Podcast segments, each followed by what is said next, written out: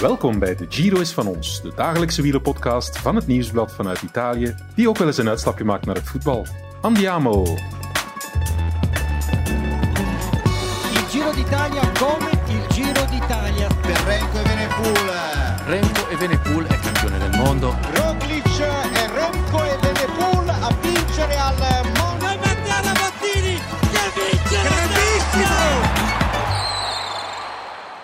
Jawel, we maken vandaag een klein uitstapje naar het voetbal, want Anderlecht-verdediger Jan Vertongen bezocht de Giro. De Belgische Record International is een grote wielerfan. Hij schafte zichzelf ook een koersfiets aan en nu Anderlecht zich niet kon plaatsen voor de play-offs, ging hij vorige week twee keer fietsen met ex-Rode Duivel Jelle van Damme. Dus voor een bezoekje aan de Giro wilde hij maar al te graag wat slaap laten. Na een korte nacht was Vertongen net op tijd voor de start van de derde etappe in Vasto. Hij ontmoette Remco Evenepoel, kreeg van hem die prachtige Maglia Rossa en stapte in de tweede volgwagen.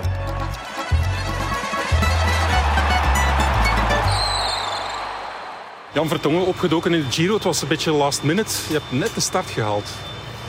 Ja, ehm, ik kreeg eh, relatief laat eh, de uitnodiging om hier aanwezig te zijn. En eh, ik heb ook kinderen en, een- en een programma thuis waar ik rekening mee moet houden. Dus ik moest keuzes maken en, en deze twee dagen wa- kwamen eigenlijk perfect uit. Eh, ik heb van de nacht, eh, was ik al, ging ik half vier uit mijn bed.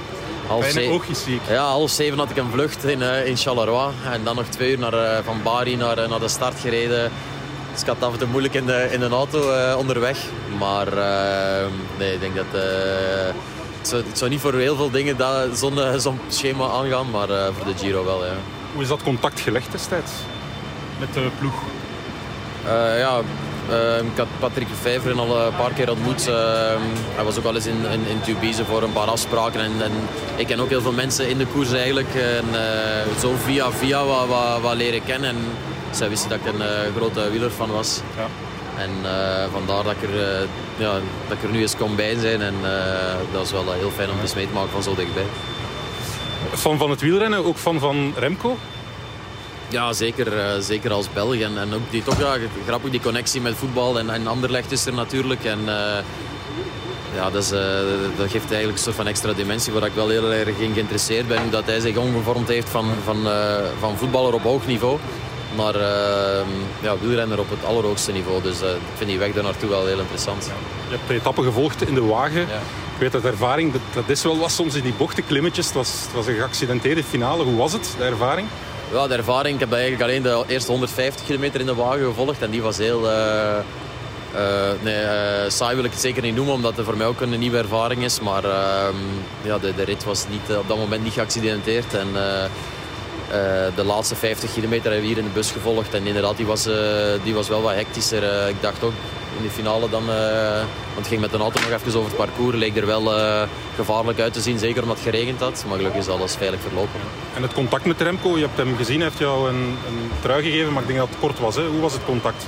Heel kort, eh, we kennen elkaar van, eh, van ziens denk ik, van de voetbal en ik denk van de, van de koers dan. Eh, ik, hem- ik ben als sporter ook iemand die eh, vlak voor de, voor de wedstrijd wordt uh, lastiggevallen. Dus ik, heb hem, hoefde hem ook helemaal niet te zien voor de koers. Eh, hij kwam, op- kwam, kwam op mij af. Eh, we hebben even twee woorden uitgewisseld en met dat shirtje dan, maar eh, voor de rest heb ik hem met rust gelaten.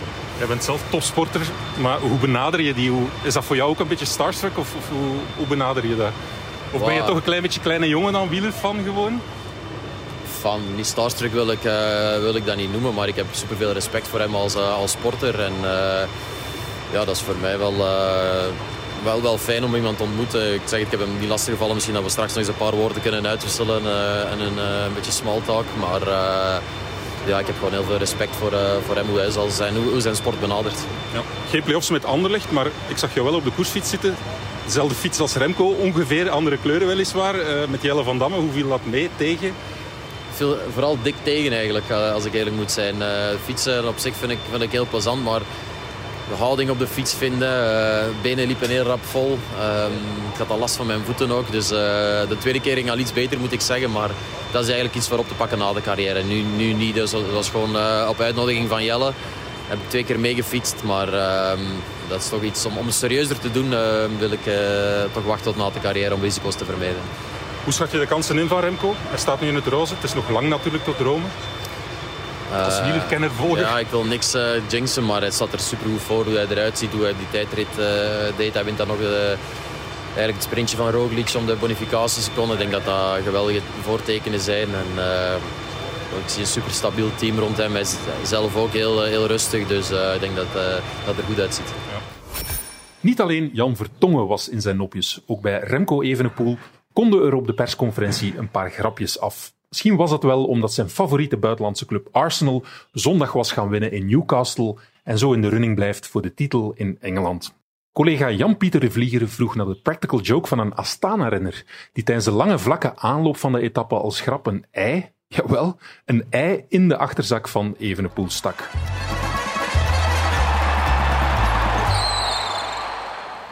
Hi Remco. Early on in the stage, we saw an Astana rider put a, an egg in your back pocket. Could you tell, tell us what was uh, going on there? Uh, I don't know, probably an Italian joke, so uh, I don't know what happened. Um, but uh, now I actually regret that I didn't test on his helmet if it was cooked or uh, not cooked. So uh, tomorrow I will take an egg with me and no, I will not do it. En zo waar een Italiaanse journalist die vroeg Evenepoel of hij dit liedje van Studio Brussel al had gehoord. Remco perché ti amo Remco vliegt over de Negeert de zwarte krachten Remco De goed gemutste Remco Evenepoel antwoordde met een voetbalsnede richting zijn persverantwoordelijke Phil Lowe. Die is opgegroeid in Manchester en een fervente fan van Manchester City. Dat is de ploeg die met Arsenal voor de titel strijdt. Uh, I actually did not hear a song. I know there was a song, um, but I'm a bit superstitious with that, so uh, I don't want to listen too much to it because, uh, yeah, I know in Belgium they get crazy pretty early and pretty quick, so uh, I just want to keep it calm and uh, not listen too much to this song. Maybe I will listen if I'm still in pink in uh, Roma, so we will see. But um, for now, I didn't listen to it. Um, but it's true that Phil sings the songs of Manchester United. See you tomorrow. Get out! Get out! Genoeg over voetbal nu. We gaan het weer over de koers hebben. Morgen staat de rit met aankomst in Lago Laceno op het programma. Dat is een rit met 3500 hoogtemeters en die werd vooraf aangekondigd als de ideale rit om de roze trui weg te schenken. Ik zocht bij de start in Vasto Soudal Quickstep ploegleider Geert van Bont op om te horen wat het plan was om de roze trui weg te geven. Maar tijdens ons gesprek schemerde vooral door dat Remco het ook geen drama zou vinden als hij die roze trui morgen nog om de schouders zou hebben. Wat is jouw ideale scenario in verband met die roze trui? Als Dus je mag moet- kiezen als het PlayStation is. Ja, als PlayStation is, we verdedigen hem gewoon allemaal. Maar zo simpel is het natuurlijk niet. We moeten altijd kijken van, eh, je start hier met acht, eh, acht, acht renners. En eh, we bekijken, like dat zeg, we kijken dat gewoon van dag tot dag. En vandaag gaan we bijvoorbeeld uit dat er toch bepaalde ploegen zijn, zoals eh, de Pedersen, die toch vrij goed kan klimmen. Er is toch altijd een lastige klim vandaag. Hè. We mogen dat niet onderschatten van eh, een kilometer of zeven, dan een, vlakke, een beetje vlak en dan weer een kilometer of twee, drie. Dus het is een vrij speciale etappe, maar er zijn ook wel renners voor die daar die vandaag kans maken voor eh, de echte sprinters te elimineren. Zoals een Cavendish te laten lossen. Dus dat zijn toch mannen zoals eh, de Pedersen en eh, de Matthews die vandaag toch vrij veel kans maken. Dus wij denken dan van oké, die mannen gaan vandaag die, die, die, die etappe controleren. Wat voor ons misschien het werk gemakkelijker maakt. Dan moeten wij Remco gaan beschermen en dan gaan we daarvoor bepaalde renners gaan aanduiden. En dan morgen, ja morgen is natuurlijk eh, iets anders. En dan moet je gewoon kijken van oké, ja, ga je de trui weggeven, ga je de trui niet weggeven. Maar dan zijn er ook renners bij die gaan zeggen van oké, dit is een etappe die mij misschien op lijf geschreven is. Die misschien ook de etappe gaat controleren. Dus een etappe like morgen heb je altijd twee, drie scenario's die je in, eh, die je in achterhoofd moet hebben. Want het ideale scenario is toch om hem morgen weg te geven, want dan moet je hem de hele tijd niet verdedigen. Remco heeft dat ook gezegd. Hoe kan dat? Hoe, hoe, wat is het ideale scenario om die trui weg te geven? Ja, het is ook niet echt van te zeggen van oké, we moeten gewoon kijken altijd van, like vandaag hebben we een trui, we hebben gisteren een trui gehad, van, gisteren heb je geen moeite voor moeten verdoen, vandaag heb je ook geen moeite moeten verdoen. Dus voor hetzelfde geld moet je een paar dagen geen moeite doen natuurlijk. We hebben dat ook gezien van eh, in de Vuelta, we hebben ook 15 dagen gehad en uiteindelijk is dat goed meegevallen. We moeten gewoon kijken dat we geen eh, energie moeten verspillen als er belangrijke mannen van het klassement wel daarbij zijn. Laten we zeggen, like een Sivakov of, of uh, een Thibaut Pinot bijvoorbeeld, ja, dan ga je wel moeten reageren. Maar voor hetzelfde geld kunnen een trui verdedigen zonder heel veel moeite te doen natuurlijk. Dus ik hoor toch een beetje bij jou van ja, die trui weggeven. Goh, dat moet eigenlijk niet als we maar niet zoveel moeite moeten doen om hem te verdedigen. Het is precies van, we zouden het niet zo erg vinden om hem, om hem te behouden. De, de, de, de, de, dat verdedigen is eigenlijk niets. Het zijn alleen maar altijd de ceremonies achteraf. Ja? Dus lekker Remco verliest, like gisteren is hij toch een uur, een uur en een half na de etappe toegekomen in het hotel. En dat is natuurlijk altijd anders. Dat je altijd een uur later toekomt als de rest. En als je dat ziet op 15 dagen is 15 uur minder, meer, uh, minder rust hebt. Dat gaat op de van de concurrentie. En ik denk die, die verdedigen valt eigenlijk wel mee. Het is vooral de ceremonie, de dopingcontrole, de persconferentie. Ja. Dat kost natuurlijk altijd wel vrij veel krachten en dat vaak over het hoofd gezien wordt. Ja. Je bent natuurlijk ploegleider, maar je hebt zicht op, ook op performance en hoe dat werkt met voeding en zo. Wat is er allemaal voorzien om, om Remco toch te begeleiden na die etappe, dat hij zo snel mogelijk recuperatie en voeding krijgt? Zijn er salades die klaargemaakt worden? Zijn recuperatiedranken, shakes die hem aangereikt worden? Beschrijf dat eens.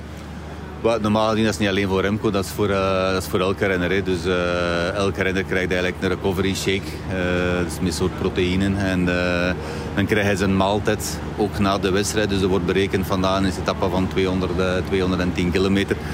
Dus wordt er berekend van oké, okay, dat gaan de renners ongeveer verbruiken per dag. Dus dan wordt er een shake klaargemaakt na de wedstrijd. Die bevat zoveel calorieën. Dan krijgen de renners een soort pasta of rijst, wat ze willen. Dan wordt dat berekend van oké, okay, dat zijn al duizend calorieën. En dan wordt er gekeken na de etappe met een Garmin van oké, okay, dat zijn de aantal calorieën dat ze totaal verbruikt hebben. Dat wil zeggen 4000 calorieën.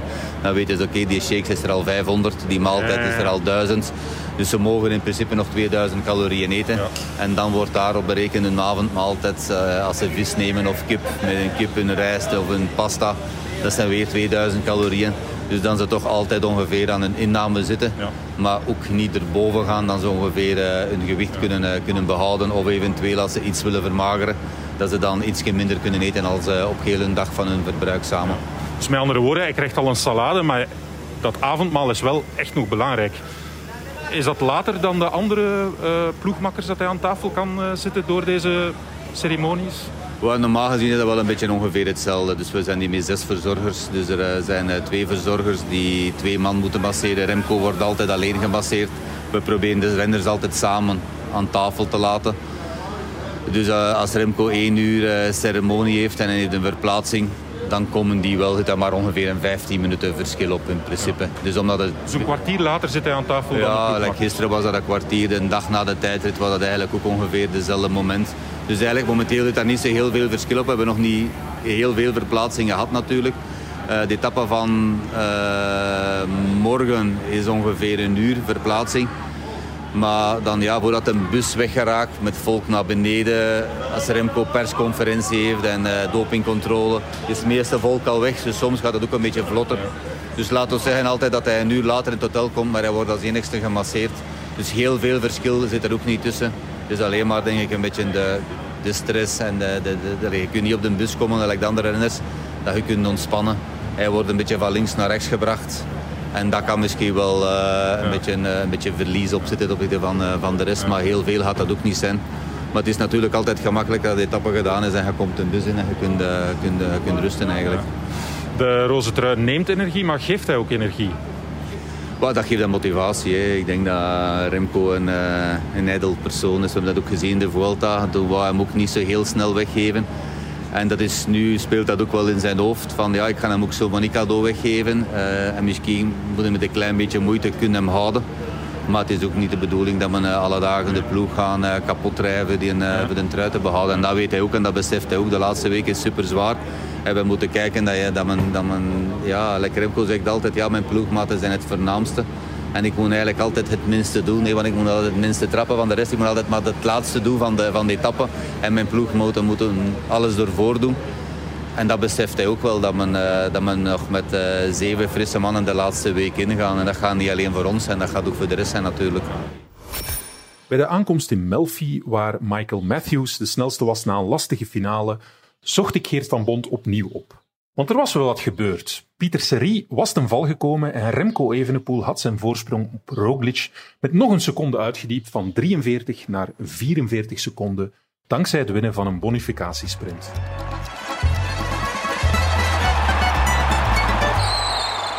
Ja, Geert, vanmorgen sprak ik jou nog eh, een beetje in de zon. Ja. Het regen. Het was gevaarlijk. Hè? En eh, Pieter Serie is gevallen. Is dat oké? Ja, hij is, uh, hij is oké. We hebben er nog even kunnen bijgaan. Het heeft wel een tijdje geduurd voordat we erbij waren. Uh, hij zei iets van zijn pols, de eerste moment.